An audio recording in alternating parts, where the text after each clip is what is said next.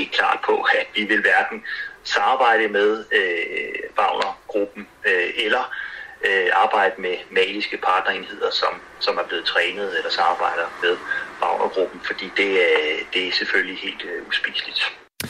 Sådan sagde udenrigsminister Jeppe Kofod mandag, da han var til udenrigsministermøde i Bruxelles.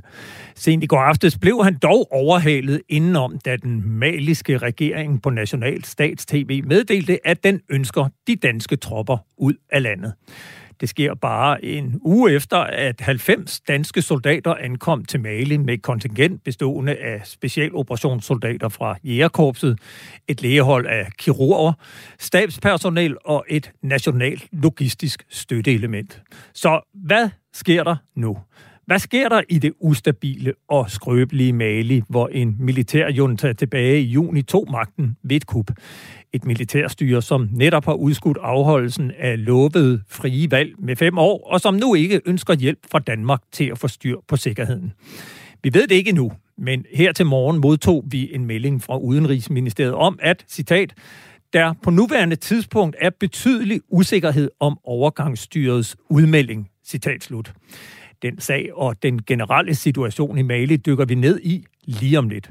Til sidst i programmet følger vi op på de udskudte forlisinitiativer, som ikke når at blive klar inden forsvarsforligets udløb i 2023. Blandt andet opførelsen af en række bygninger. Det er jo mit ansvar øh, i Ejendomsstyrelsen at få gennemført den projektmasse på den bedst mulige måde, ud fra de rammer og de vilkår, der er. Øh, så sådan er det. Ja, sådan siger Anders Mærkedal, chef i Forsvarsministeriets ejendomsstyrelse. Du lytter i øjeblikket til Frontlinjen her på Radio 4. Mit navn er Peter Ernst Ved Rasmussen. Velkommen til. Men vi begynder programmet med den øgede frygt for en krig i Ukraine, bare 700 km fra Danmarks grænse.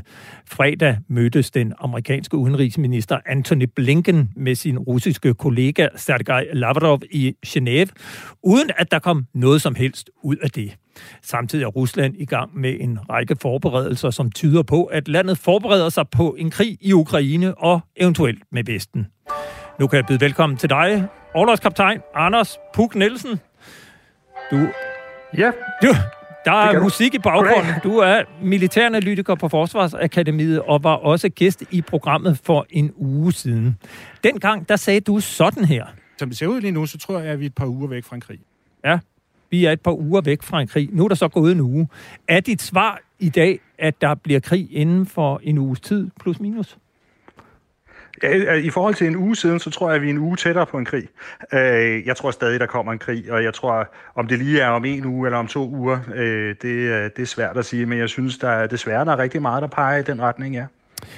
Du har i den forgangne uge lagt en øh, video på YouTube, hvor du fortæller, at tre russiske tiltag vil være tydelige tegn på, at en krig er under opsejling. Det er øget militær øvelsesaktivitet i Østersøen, en ændring af retorikken i de russiske statsmedier, og slutelig en hændelse, som kan udløse en krig. Hvad ser du af tegn på en forestående krig, når vi vender øjnene mod Østersøen? Ja, altså det var, det var tre punkter, som jeg øh, nævnte som nogen, jeg holder særlig øje med øh, i de her uger. Og, øh, og man kunne helt sikkert også have peget på andet, men jeg synes, det er sådan nogle, nogle konkrete ting, som giver god mening, især når man sidder sådan fra, et, fra et dansk perspektiv og kigger. Og, og Østersøen er interessant at kigge på af, af flere årsager. Øh, Øh, men, men altså, især fordi Rusland faktisk har et ret stort behov for, hvis der øh, kommer den her store konflikt, og så øh, sende nogle meget tydelige signaler til NATO i Østersøområdet om, at, øh, at de sårbarheder, de ser hos sig selv, dem skal vi ikke begynde at udnytte. Øhm, så det kunne være sådan noget, som vi skal, de vil passe på Kaliningrad, de vil passe på Hvide Rusland og sådan nogle ting. Og, og det, jeg ser konkret, der er sket siden jeg lagde den video ud i sidste uge, det er, at Rusland jo har annonceret nogle enorme flådeøvelser, der skal finde sted i, hvad de siger er januar og februar måned. Og, og hvad, hvad er det for øvelser? Ja, altså de har simpelthen annonceret en, en stor samlet øvelse for det russiske søværn under ledelse af den russiske flådeschef. De sender 140 skibe på vandet fra alle flåder, øh, som øh, øh, skal agere øh, samtidig. Og, og det skal jo så ske her i januar og, og februar måned. Øh, og det vil jo sige, så øh, inden for den næste uges tid skal de jo øh, være i gang, kan man sige. Øhm, så det er jo sådan et tegn på, at vi begynder at se, at øh, de ligesom varmer op til, at øh, der også skal ske noget i Østersøområdet. Øh, og også i, i, i Atlanterhavet, det har de også og, og. Og, og, og, og det fortalte du mig om her i går. Hvad er det, de varsler i Atlanterhavet? Øh, ja, det vi har set indtil videre er, at de har annonceret nogle øh, missil-affyringer øh, over omkring Irland, øh, som Irland har udtrykt, at de er ret trætte af. Øh, men det, øh, altså, det foregår i internationalt farvand, så det er lovligt. Øh, og, og, så det er jo sådan når, noget, som... når du siger missilaffyringer, er det så skarpe affyringer, eller er det, er det øvelser, hvor man simulerer, at man skyder med missiler? Nej, altså de skyder simpelthen skarpt, ikke? så der skal, der skal så øh, store områder øh, ud for Irland jo så lukkes i, øh, i nogle, nogle pænt lange perioder, altså hele luftrummet og øh, også for skibe. Øh, altså der er alle mulige sikkerhedshensyn der, som man skal tage højde for. Øh, og der er jo en hel masse overvejelser omkring øh, det, altså Irland, der, hvad, hvorfor, hvorfor lige Irland og sådan noget, det kan vi komme ind på. Men øh, udover det, noget jeg også synes, jeg lige har lyst til at få nævnt her, Øh, det, er, det er de overførsler af styrker, som lige i øjeblikket foregår fra Fjernøsten til Hviderusland. Øh, så der, der foregår rigtig mange overførsler der. Så, så det er øh, ikke bare i, øh, på, på det sømilitære område, men uddyb gerne, hvad er det, der så sker på landjorden, som, som yderligere bygger op til denne her øh, frygt for en, en nært forestående krig? Ja, altså, jeg, jamen, jeg synes jo, vi, øh, man, man er jo nødt til at regne Hvide Rusland med som en del af Østersøregionen, ikke? Og øh, øh, altså, det, det er ret massive troppeoverførsler, de laver øh, lige i øjeblikket til, øh, til Hvide Rusland øh, fra Sibirien. Altså, de taler selv om øh, 200 togsæt øh, med et gennemsnit på omkring 50 øh, togvogne i hver. Øh, og det, det, så det er jo altså samlet omkring 10.000 togvogne med militær lisenkram, de er ved at, at overføre fra Sibirien og ind i Hvide Rusland i øjeblikket. Det er ret, det er ret stort, ikke? Og, og det øh, kommer jo oven så, så i det, vi allerede se, har set bygget op over de sidste måneder. Ja, det gør det, ja. Så for mig så vil jeg sige, at vi er jo ikke der endnu, hvor jeg synes, man kan sætte flueben øh, ved den der med, at vi ser aggressiv russisk øh, aktivitet i Østersøen. For det gør vi faktisk ikke i øjeblikket. Jeg synes ikke, at vi kan tjekke den af på min liste endnu. Men jeg synes, vi ser tegn på, at øh, de ligesom varmer op til, at om en uges tid, så kan vi måske. Du nævner også i den her video, du har lagt ud, at, øh, at, at en ændring i retorikken i de russiske statsmedier også er et tegn på en forestående krig. Hvad ser du af tegn på den, når du... Øh, og jeg skylder jo også læseren sige, at du er jo faktisk russisk sprogofficer, så du kan læse russiske statsmedier. Hvad, hvad siger de? Ja, altså jeg, jeg, jeg følger øh, godt med i de russiske tv-aviser og sådan noget for tiden, øh, og, øh, og der er sket en ændring også siden, øh, siden for en uge siden. Altså dengang, der var mit indtryk, at det var øh, i virkeligheden rigtig meget business as usual i de, i de russiske statsmedier. De talte om alt andet end Ukraine, om i sådan dagligdags ting, øh, øh, øh det kraftige snefald og coronavirus og sådan noget.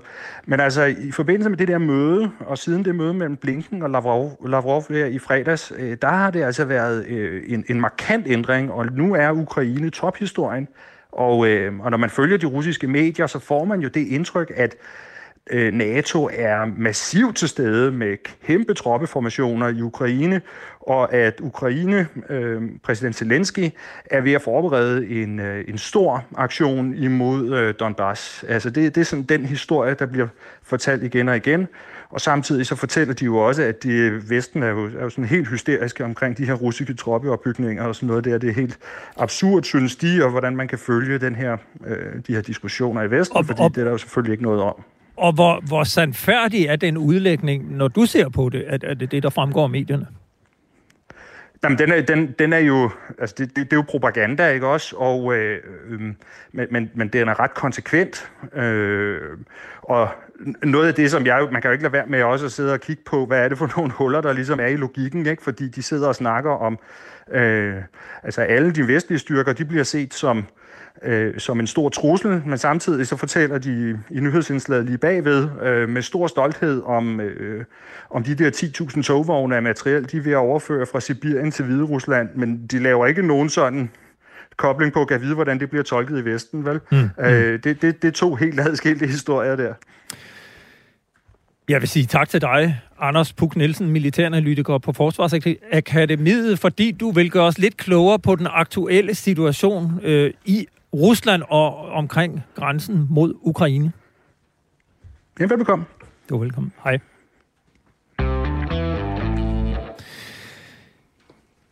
Og så skal vi videre til en sag, der har været breaking news i en del medier siden i går aftes.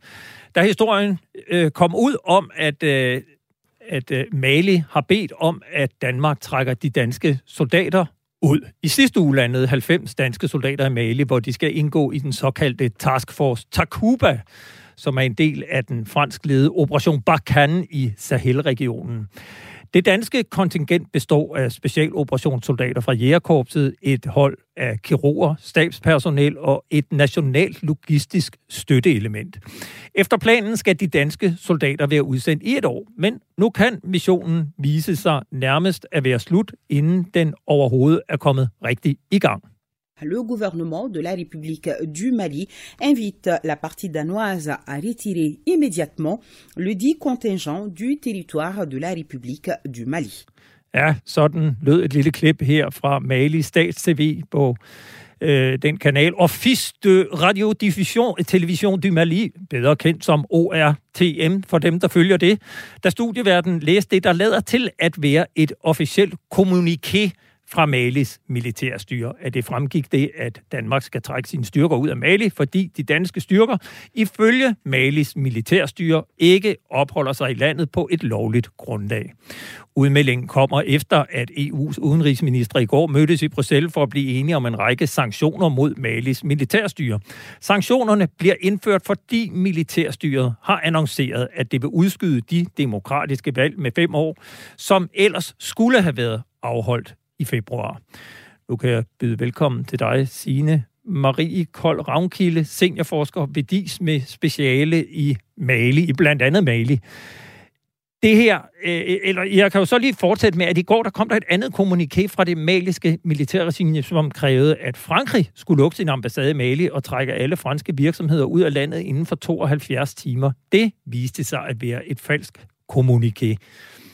Tror du, at det kommuniké, som omhandler de danske soldater, øh, og altså blev læst op på National Stats TV i går, er validt og reelt set kommer fra Malis militærstyre? Øh, det er klart, at det, øh, du lige nævner her, øh, viser også, at det er svært at manøvrere i information, og man skal holde tungen lige i munden, øh, hvad angår, øh, hvad der kommer ud på både de sociale medier og forskellige nyhedskanaler. Det her er jo så den officielle øh, øh, nyhedsbyrå, som, som læser det op, som så bekræfter, at det er, øh, den er god nok. Det er validt, øh, selvom at øh, man selvfølgelig i første omgang lige skulle have bekræftet det. Øh, men når det bliver læst op på den måde, så tror jeg, der er god øh, øh, indikation af, at øh, det er det, de mener. Jeg kan også byde velkommen til dig, Anne, øh, undskyld, Anne Valentina Bertelsen, forsvarsordfører i SF. Du og SF har selv stemt for at sende danske soldater til Mali. Og nu lader det til, at Malis militærstyre slet ikke vil have de danske soldater. Mener du, at Danmark i stedet for at forsøge en forhandling, og måske at få lov til at blive, bare skal drage konsekvensen og sige stop. Det her af kaos, som vi ikke ønsker at være en del af, og derfor trækker vi de danske tropper ud hurtigst muligt, uanset kommunikets validitet? Jeg har ikke noget mandat fra min folketingsgruppe endnu, men jeg synes, at det efterhånden er svært at blive der. Øhm, dels på grund af den udvikling, vi har set siden i går. Øh, det er jo klart, at man skal holde tungen lige i munden, som Sine også siger, øh, og man skal have verificeret de her oplysninger, og det fornemmer jeg også, at Udenrigsministeriet er i gang med at finde ud af, er det her reelt eller ej. Men uanset om det er det eller ej, så skaber det her jo en enorm usikker situation for vores soldater, og den kan de ikke arbejde i. Vi har haft en perlerække af rigtig uhensigtsmæssige udviklinger, siden at vi sagde ja til det her i foråret. Vi har både haft øh, Wagner-gruppen, altså de russiske lejesoldater, som er til stede, hvor vi jo samtidig er i, i offensiven over for Ukraine og, og, og Ruslands situationen, så er det altså svært også at, at for eksempel stå side om side med, savn, med Wagner-gruppen i, i Mali. Ikke? Og hvad er definitionen på det? Der mangler vi nogle klare udmeldinger fra ministerne om, hvornår er det her altså for tæt på? Altså kan de være der samtidig, uden at vi nødvendigvis øh, kæmper side om side med dem eller ej, og i så fald hvorfor? Øh, Men... Og så er der jo så også det her med, at man har udskudt et valg øh, for nylig. Øh, den, den her overgangsregering har udskudt et valg, som egentlig skulle have været afholdt. Det er jo noget af det, der fremprovokerer, at man fra Udenrigsministeriets side selvfølgelig går ud og siger, at nu skal vi have nogle øh, sanktioner. Og det skaber en sindssygt kompleks situation, som vores soldater ikke skal navigere i, i vores øjne. Men bare så lige for at opsummere, så personligt, der går du ind for, at vi trækker de danske soldater ud nu? Personligt går jeg ind for, at øh, vi skal have øh, en melding fra Udenrigsministeriet om, om det her er validt eller ej. Og så kan jeg simpelthen ikke på nuværende tidspunkt forsvare, at vi, øh, at vi bliver der. Men jeg mangler et mandat fra min gruppe. Nu ved vi så ikke, om de danske soldater får lov at blive, men situationen giver os i hvert fald en god anledning til at se på, hvad det egentlig er for en opgave, som det danske bidrag skal løse i Mali. Min kollega Jeppe Retusted ringede derfor i går til Oberstløjtnant Jens Peter Blomqvist, som er chef for Jægerkorpset. Målet er derfor sådan overordnet set for specialoperationsstyrkebidraget, at vi skal styrke maliske styrkers evne til at håndtere terrortruslen og reducere den øh, i Taku-provincen med det formål, at befolkningen kan leve under mere stabile forhold.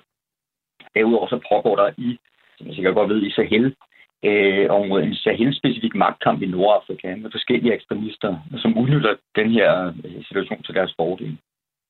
Forsvaret står derfor for en meget kompleks modstander med, med mange forskellige ansigter.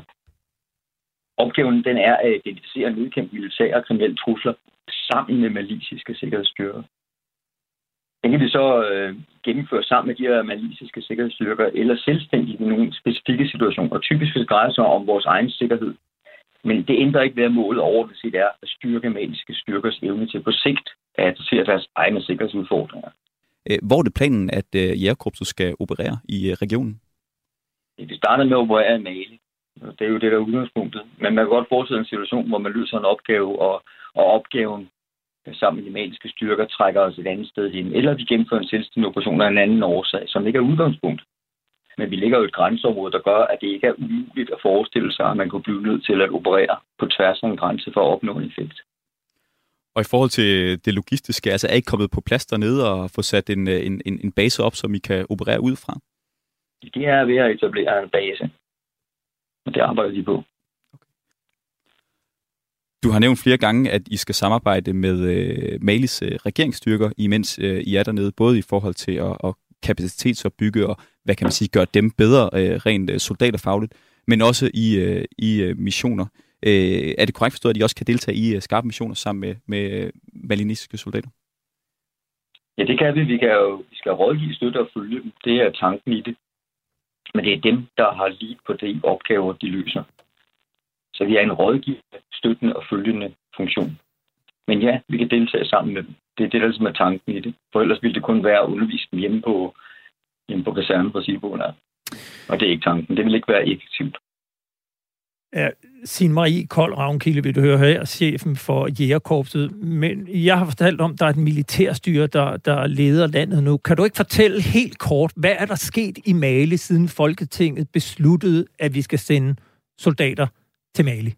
Jo, altså det er vigtigt at sige, at vi har jo bidraget med, til den her mission, altså til øh, det forskellige bidrag øh, i Mali siden 2013. Og det her nyeste Task Force Cuba-bidrag øh, blev så vedtaget i 2020. Og siden da har der været det her dobbelte militærkup, man taler om. Altså den ekstrem upopulære præsident IBK, som blev valgt... Øh, i 2013. Han blev så øh, kuppet her første gang i august 2020, og så anden gang, da man prøvede at skifte ud i rækkerne, så...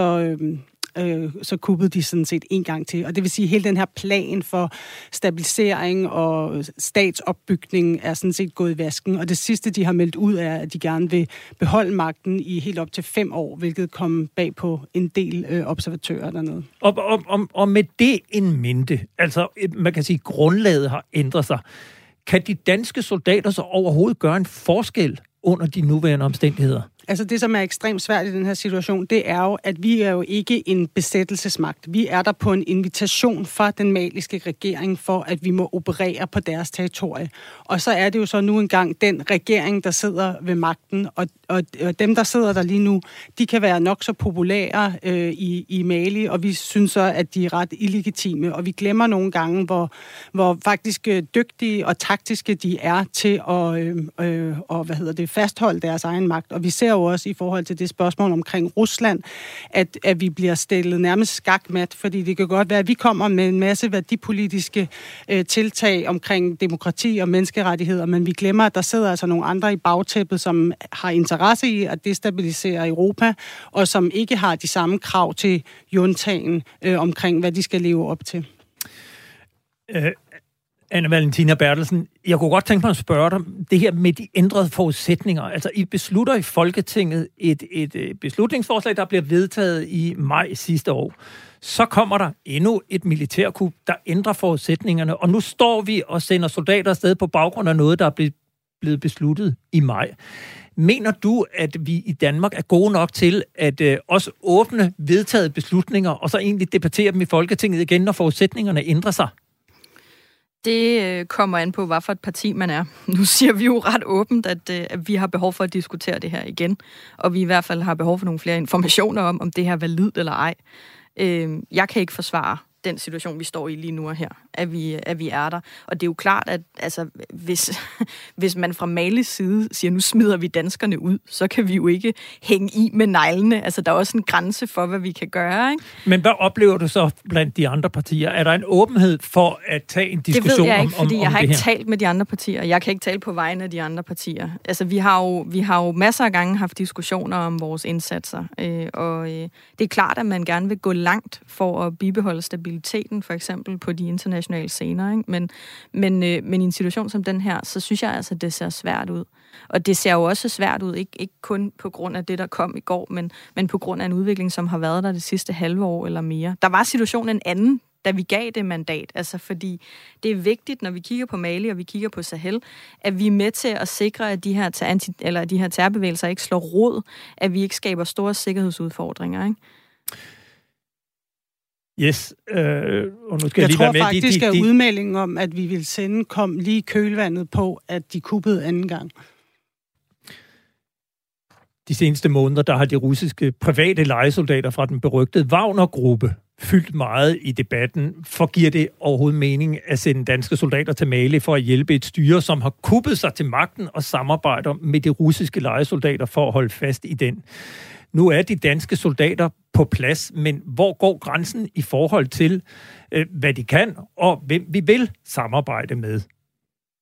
Vores røde linje går helt klart på, at vi vil hverken samarbejde med øh, Wagner-gruppen øh, eller øh, arbejde med maliske partnerenheder, som, som er blevet trænet eller samarbejder med Wagner-gruppen, fordi det, øh, det er selvfølgelig helt øh, uspiseligt. Ja, sådan sagde udenrigsminister Jeppe Kofod i går til Ritzau. Men hvordan håndterer man det så som udsendt dansk styrkechef? Min kollega Jeppe Ritz Husted spurgte oberstløjtnant Jens Peter Blomqvist om, hvordan han som chef for Jægerkorpset vil sikre sig, at korpset ikke kommer til at samarbejde med maliske soldater, som enten er trænet af Wagnergruppen eller tidligere har samarbejdet med dem. Altså, vi kan jo ikke vide, hvad de har gjort før, at vi får dem udpeget som en partnerenhed. Men hvis vi øh, kan fire dem med, med Wagner, så er vi ikke i at samarbejde med dem og træne med dem, og det er Task Force til Kuba heller ikke overordnet set. Men hvad der er foregået tidligere, kan vi jo ikke virkelig garantere. Det vil jo, det, at sælge altså den garanti, det vil jo være rimelig naivt. Men vi har fokus på, at, øh, at vi ikke samarbejder med enheder, vi kan fire med Wagner-gruppen. For det er ikke i vores interesse. Og i øvrigt så, hvad, hvad Jeppe Kofod har sagt, det må stå for hans egen regning. Altså, jeg kan forholde mig til, hvad jeg er blevet bedt om at, at løse opgave med, mit, med min udsendte bidrag og det er at fokusere på træning af militiske styrker, eller maliske styrker i Mali. Men du har ikke fået til selvstændigt opdrag at sikre dig, at du ikke samarbejder, eller at dine mænd øh, på, på jorden dernede ikke kommer til at samarbejde med folk, som er trænet af Wagnergruppen? Jeg skal ikke øh, træne med folk, der er affilieret med Wagnergruppen, men jeg er ikke sådan en, jeg, jeg tror, at øh, jeg kan sige med sikkerhed, at en eller anden person i en enhed ikke har en kontakt til Wagnergruppen, eller har været affilieret med Wagnergruppen. Det kan jeg jo ikke svare på. Ja, Anne Valentina Bertelsen, kan, kan du leve med den risiko, altså at danske soldater af helt indlysende årsager ikke kan sikre sig imod at samarbejde med soldater trænet af russiske legesoldater? Det er jo også derfor, at vi har stillet spørgsmålstegn ved, hvad det egentlig er, man fra ministeriernes side betegner som øh, at kæmpe side om side med Wagnergruppen. Efter at det er kommet frem, at den er til stede, og den er der i det her omfang, så øh, er vi jo meget bekymrede, og, og vi har behov for, at man siger klart fra især Forsvarsministeriets side, jamen øh, under hvilke forudsætninger kan vi være der? Fordi det synes vi var meget klare, øh, netop da ministerne sidst udtalte sig om det, øh, at det kunne vi ikke, hvis de var der. Øh, og det er jeg tilbøjelig til at være enig i. Men hvordan kan det så være, at, øh, at vi nu begynder at bøje det lidt, og samtidig med, at vi er i offensiven over for, for Rusland i, i Ukraine-situationen? Ikke? Så jeg synes, at, at den er ligesom udmelding i går, hvis Mali vil have os ud, så er det med, med Wagner-gruppen og tilstedeværelsen af dem også noget, der tæller med til, at vi kan ikke forsvare at blive dernede, og vi kan ikke stille vores soldater i den situation. De russiske lejesoldater i Wagnergruppen har opnået et ganske beskidt ry og rygte i Vesten, og Wagnergruppen er der også omgivet af både mystik, løse rygter og udokumenterede påstande. Af samme årsag har min kollega Jeppe Rettusted opsøgt nogle af de kilder, som har dokumenteret, hvordan Wagnergruppen opererer i både Mali og resten af verden. Hermed en lidt sjælden gang public service inden for det mudrede område, der handler om lejesoldater. Well, actually, we had rumors since many, many, uh, many months of uh, they'll get, they're getting there, they're gonna get there soon, but we're only talking about rumors. Vasim Nasser, han er journalist på France 24, hvor han uh, intensivt dækker udviklingen i Mali. Og uh, det var Vasim her, der efter mange måneders uh, rygter om Wagner-gruppens tilstedeværelse i landet, endelig kunne dokumentere som den første journalist, at russiske soldater rent faktisk havde været involveret i ildkamp i landet. It was after the altercation of the fight they had on the 3rd of January, while being with the uh, Malian army, and they got into a fight with uh, Al Qaeda fighters uh, in central Mali. Angiveligt så gik øh, russerne her på en øh, uh, vejsidebombe og blev derfor nødt til at, at forsvare sig. Generelt så er informationer af den her karakter, som kommer ud af Mali, næsten umulige at verificere, fordi øh, uh, Malis junta selv uh, nægter, at russiske lejesoldater er i landet. I knew that uh, one of the casualties was transferred to Sevare and that he was uh, Russian speaking. So this is how uh, I get to know that actually uh, they were on the ground already. Til at begynde med, der talte Vasims kilder om en enkelt såret russer. Så blev der tilføjet endnu en såret russer, og til sidst kom der også en død russer øh, til. Nogle af jihadisterne har endda fanget det på en video, som Vasim har fået tilsendt. Where we see uh, body parts uh, of, a, of a white man. So that's what I can say for sure.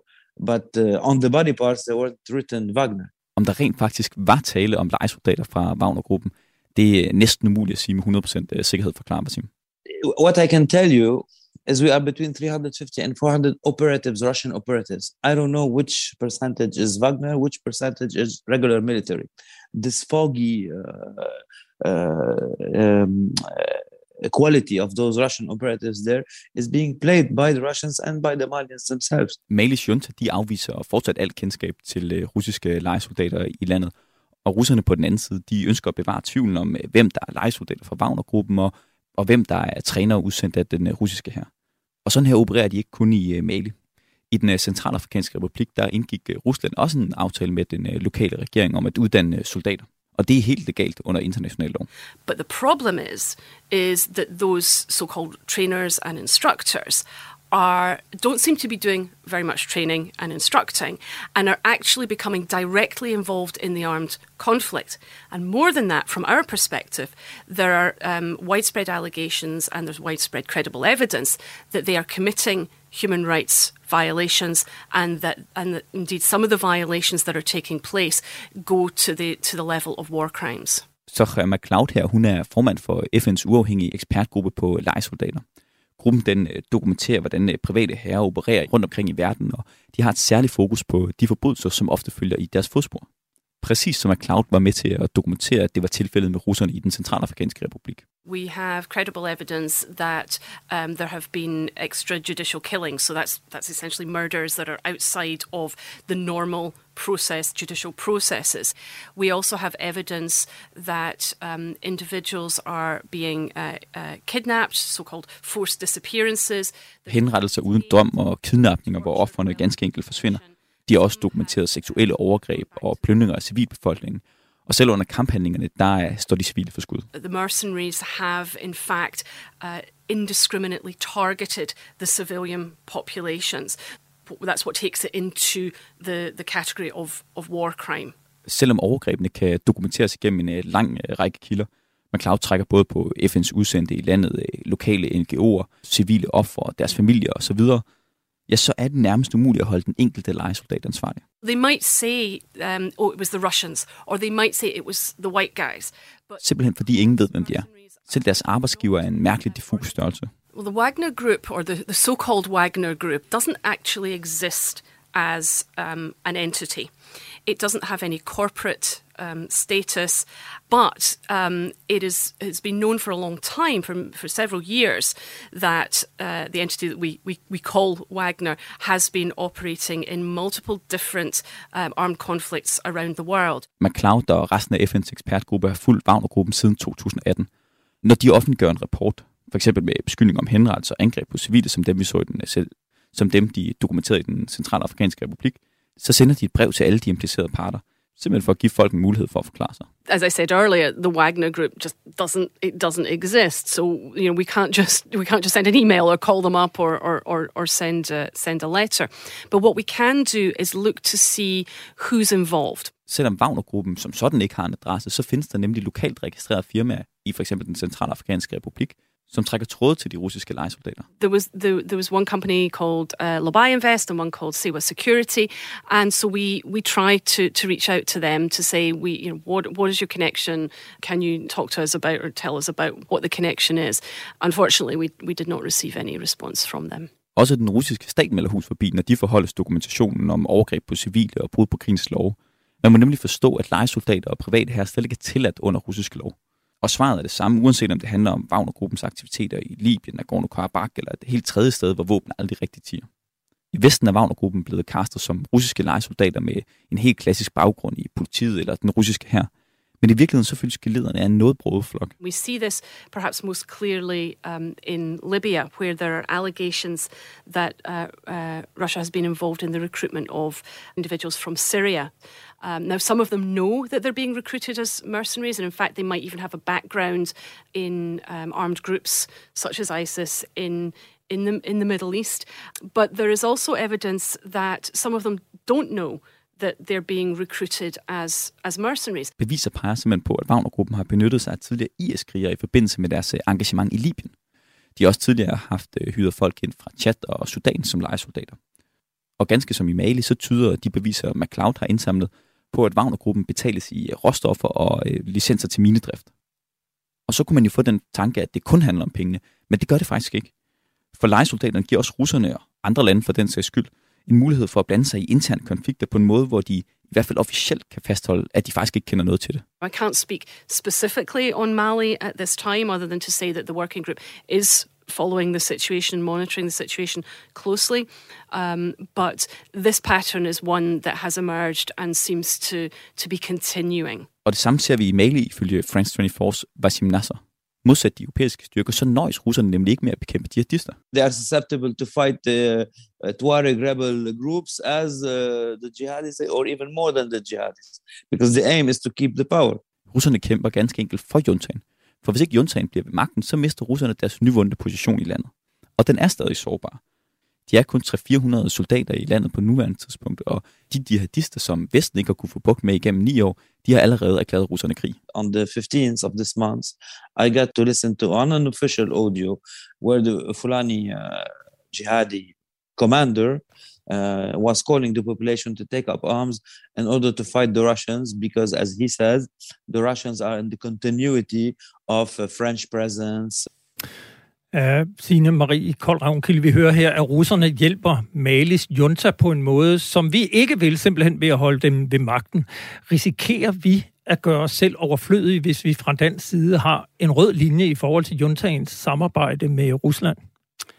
Altså det, som jo kan undre lidt, det er, hvad det er for nogle garantier, russerne har stillet øh, juntagen i forhold til, at vi skal jo tænke på, at det danske bidrag indgår i en større alliance med altså både en øh, FN-mission på 14.000 øh, soldater, så har vi det franske bidrag på øh, nu tre, men Orta Cuba, og så har vi også den her regionale styrke, plus med, at vi har meget, meget stort øh, det her statsop statsopbygningsbidrag, som også tæller udviklingsbistand og hele den her comprehensive pakke.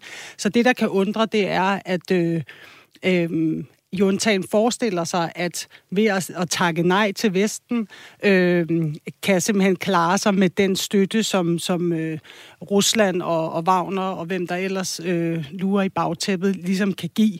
Øh, og det kan godt være, at de kan hjælpe til med at holde øh, Juntagen ved magten, øh, deres egen overlevelse, men i kampen mod øh, jihadistgrupperne, og der har vi både ligesom de al-Qaida-relaterede, men også IS-affilierede øh, grupper, øh, at de ville kunne gøre en mærkbar forskel der. Og vi har også set i andre øh, konfliktscenarier, at det forhold, at Wagner-gruppen kommer ind, ikke hjælper noget i forhold til at komme volden øh, til livs. Altså tværtimod, fordi en del af det, som også præger billedet i Mali, er jo, at de civile er dybt infiltreret i...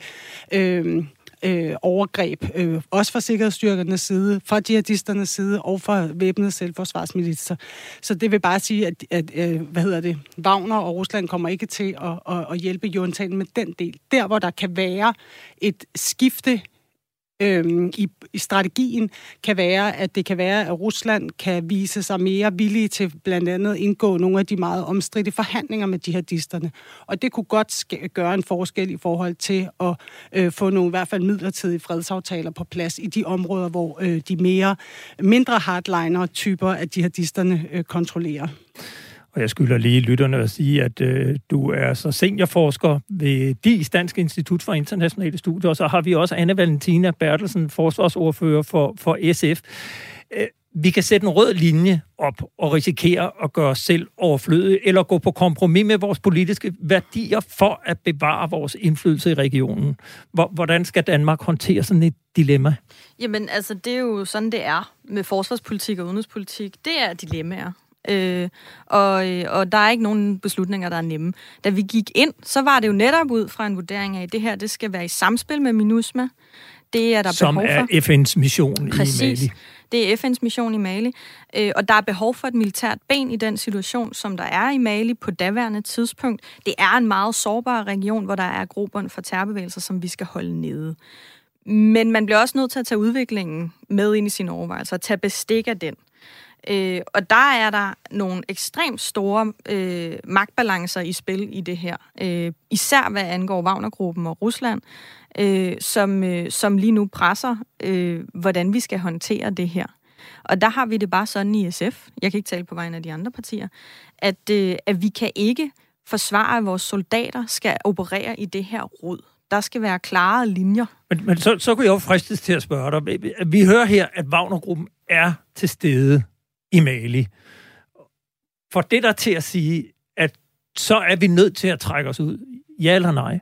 Jamen, som jeg sagde til at starte med, jeg har ikke noget mandat fra min folketingsgruppe. Nå, per- personligt, hvis, hvis, hvis, Jamen, det er der ikke noget, der hedder, Peter. Det ved du også det, godt. Jo, Enten man, er man, man politiker, eller også er man ikke man politiker. Jeg har ikke noget, der hedder privat Anne, og så er der noget, der hedder politiker Anne. Det er ligesom, der er ikke noget, så der hedder privat Så jeg får dig ikke til at svare på, hvad du, hvad du personligt mener. Jamen, altså, jeg har sagt, hvad jeg personligt mener. Jeg synes, ja. i den her situation, så er det svært at forsvare, at vi er der, Øh, men øh, jeg har ikke noget mandat fra min gruppe endnu, og vi mangler stadigvæk at få en bekræftelse fra Udenrigsministeriet på, at det her er ægte. Jeg hører, hvad Sine siger i forhold til, at, øh, at det kunne godt tyde på, at det er ægte. Øh, og så, øh, så må bolden ligge hos Udenrigsministeren og sige, hvad skal vi så gøre? Dukken fin. Altså.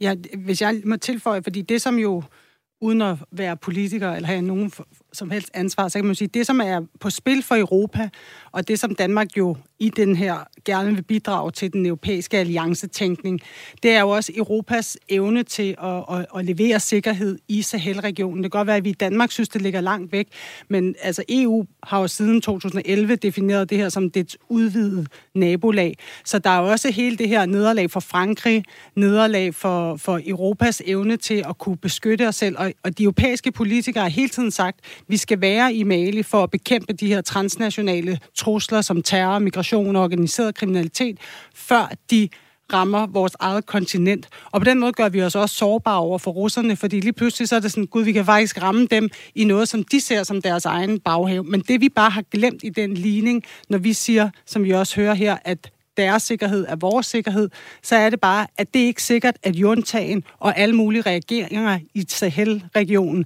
har den samme overbevisning. Så det, som man nogle gange skal huske på, det er, at man bliver nødt til at forstå og læse de politiske situationer ekstremt nøje, for man vil gerne skille det militære og det politiske ad, men det kan man ikke. Det er dybt vævet sammen i det her tilfælde. Ja, og det, fører mig ligesom hen til, altså, det er i slutningen af 2021, hvor juntaen i Mali tog de indledende skridt til de her for, forhandlinger med de jihadistiske oprørsbevægelser i den nordlige Mali, dem som vi betegner som terrorister. Kan man sige, hvis man ønsker fred i Sahel-regionen og Mali mere specifikt, så giver det vel også god mening at forhandle, når ni års krig ikke har løst konflikten?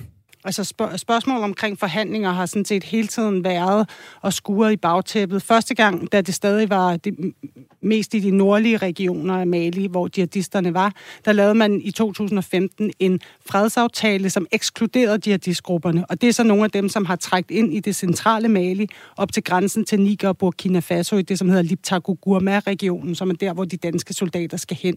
Så der har hele tiden været den her med, at jihadisterne også kan være spoilers, og det er faktisk øh, der er flere af de øh, af regeringerne i Sahel, som gerne har ville foretage forhandlinger med mindre rabiate øh, grupper af jihadisterne. Men det er selvfølgelig svært, når jihadisternes betingelser er, at Frankrig skal forlade landet, inden vi vil forhandle. Så det er jo ikke et nemt politisk budskab at sælge, heller ikke i Paris eller København.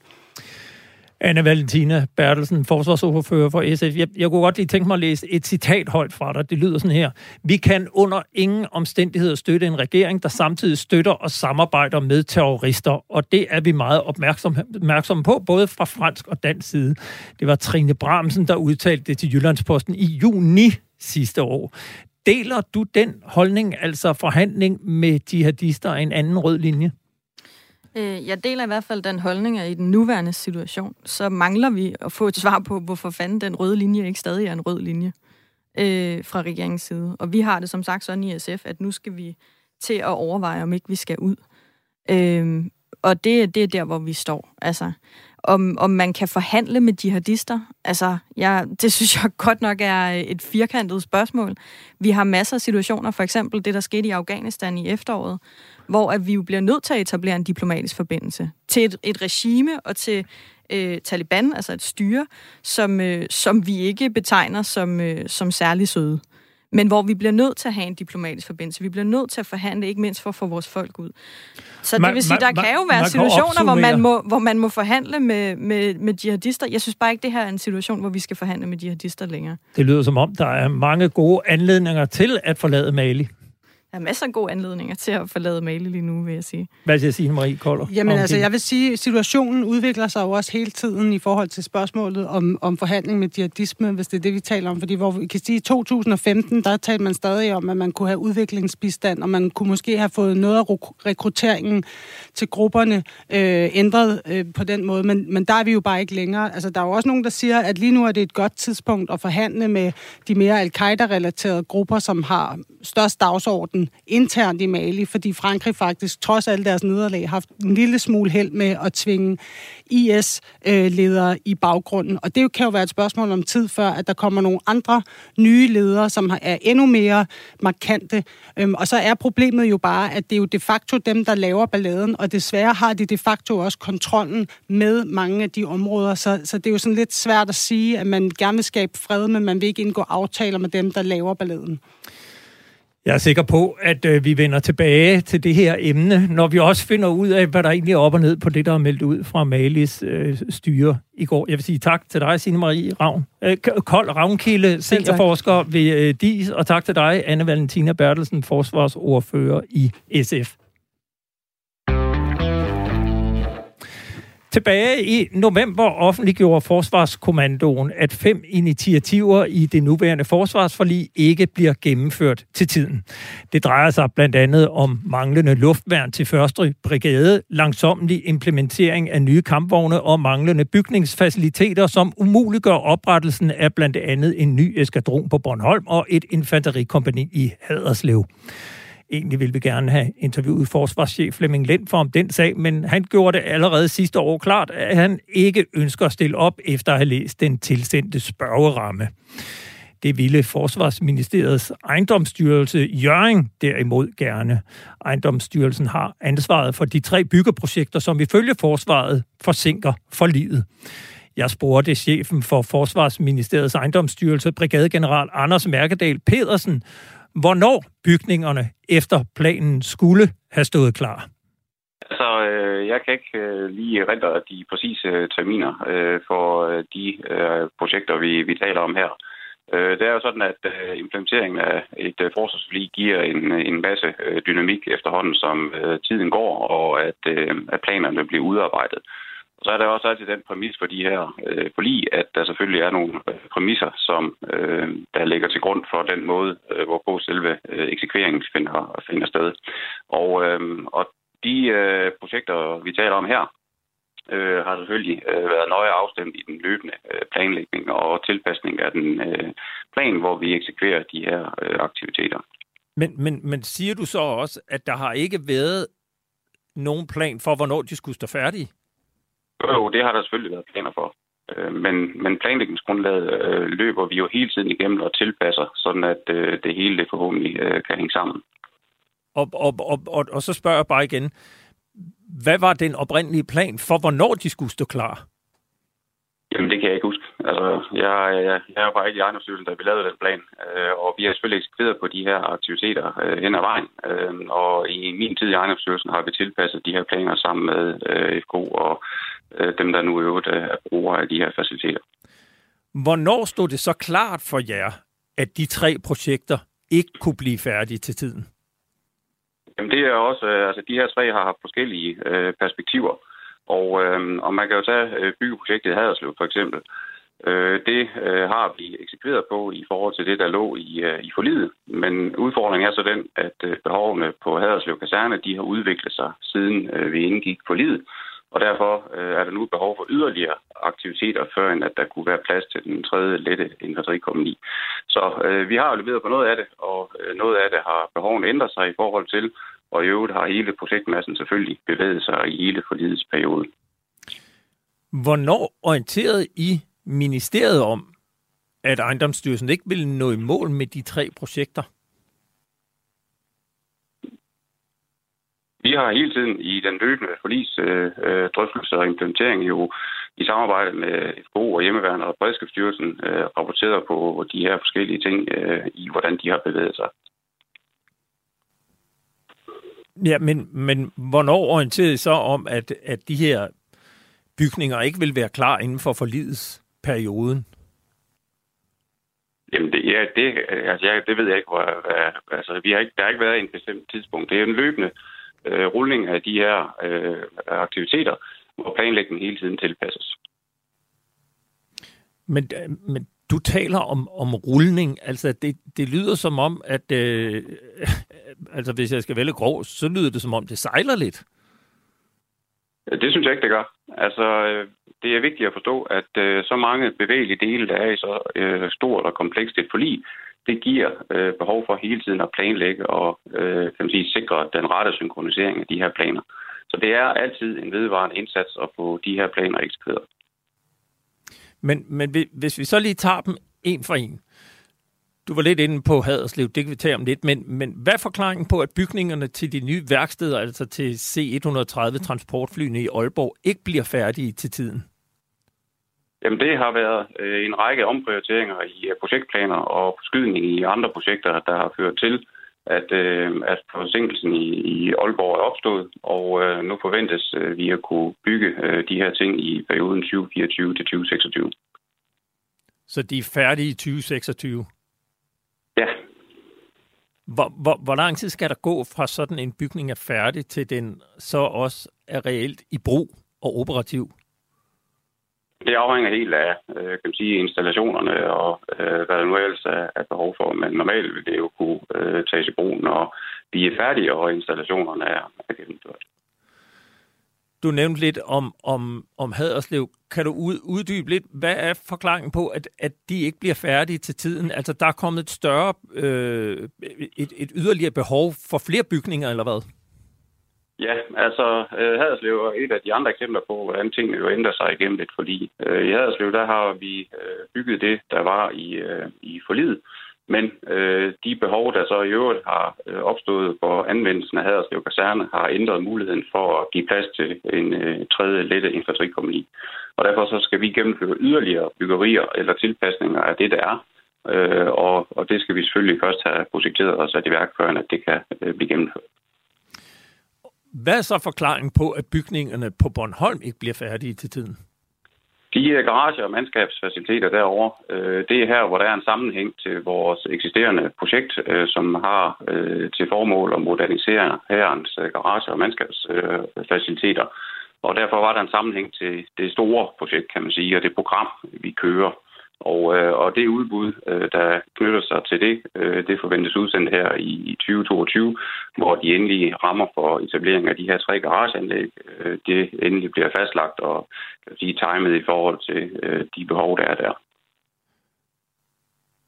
Og øh, øh, øh, hvornår regner I så med, at de garager kommer til at stå færdige? Ja, det er øh, øh, lidt uklart, fordi vi skal være sikre på, at leverandørerne øh, kan levere. Og aktuelt så er der jo stort run på øh, kan man sige, materialer øh, til den her type byggerier. Øhm, og derfor øh, så øh, må vi lige afvente og se, hvilke tidslinjer øh, vi kan få øh, kan man sige, byderne til at, at byde ind på. Men garager lyder jo ikke som noget sønderligt kompliceret øh, byggeprojekt hvis I kan gå med udbud i 22, hvorfor kan de så ikke nå at blive færdige i 20, indtil 2024? Det er trods alt to år. Jamen, det kan også sagtens være, at de kan det. Øh, men vi, øh, aktuelt må vi bare erkende, at øh, betonelementer og alt muligt andet øh, er der bare øh, længere og længere leveringstider på. Øh, og derfor så er vi forsigtige med at sige noget fast om de her tider, indtil vi kender leverandørernes opfattelse af de her tidslinjer.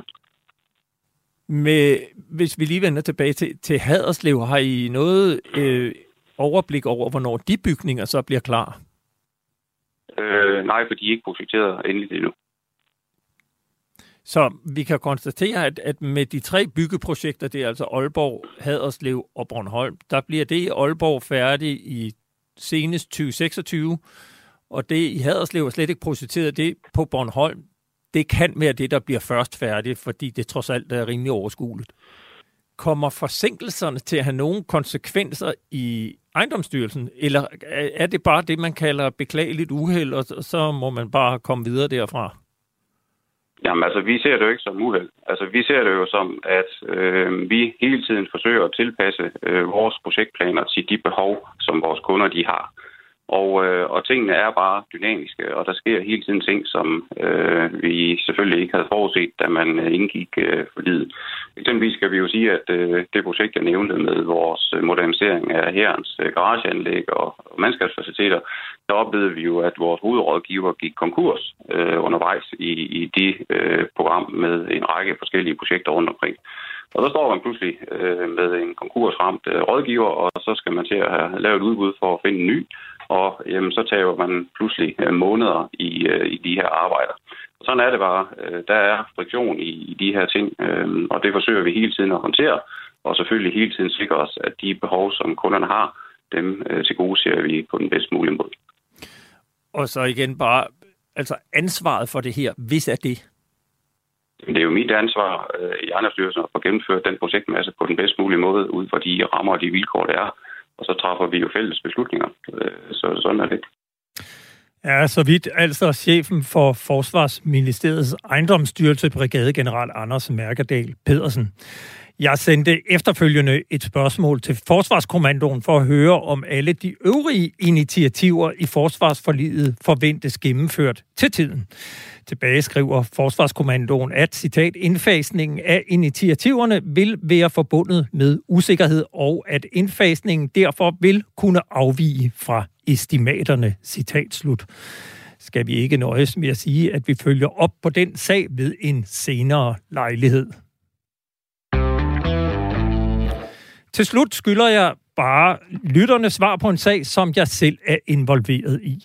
For en uge siden faldt der ved Københavns Byret dom i en sag, hvor jeg er forretningsmanden Jeppe Handværk og hans virksomheder Copenhagen Global og Copenhagen Group var anklaget for at have fremført ærekrænkende påstande i en artikel på Olfi om køb af militær jetski til frømandskorpset.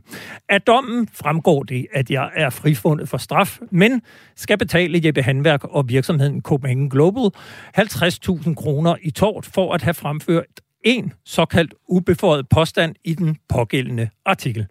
I øjeblikket overvejer jeg sammen med Dansk Journalistforbund, om vi skal anke sagen. Og Hermed er vi nået til vejs ende i dagens udsendelse. Du har lyttet til Frontlinjen her på Radio 4. Programmet blev lavet i samarbejde med journalist Jeppe Rets Husted. Har du ris, ros eller gode idéer til emner, vi bør tage op, så kan du kontakte os på frontlinjen radio4.dk. Husk også, at du kan lytte til alle tidligere programmer som podcast i din podcast podcast player eller ved at besøge os på radio4.dk Frontlinjen.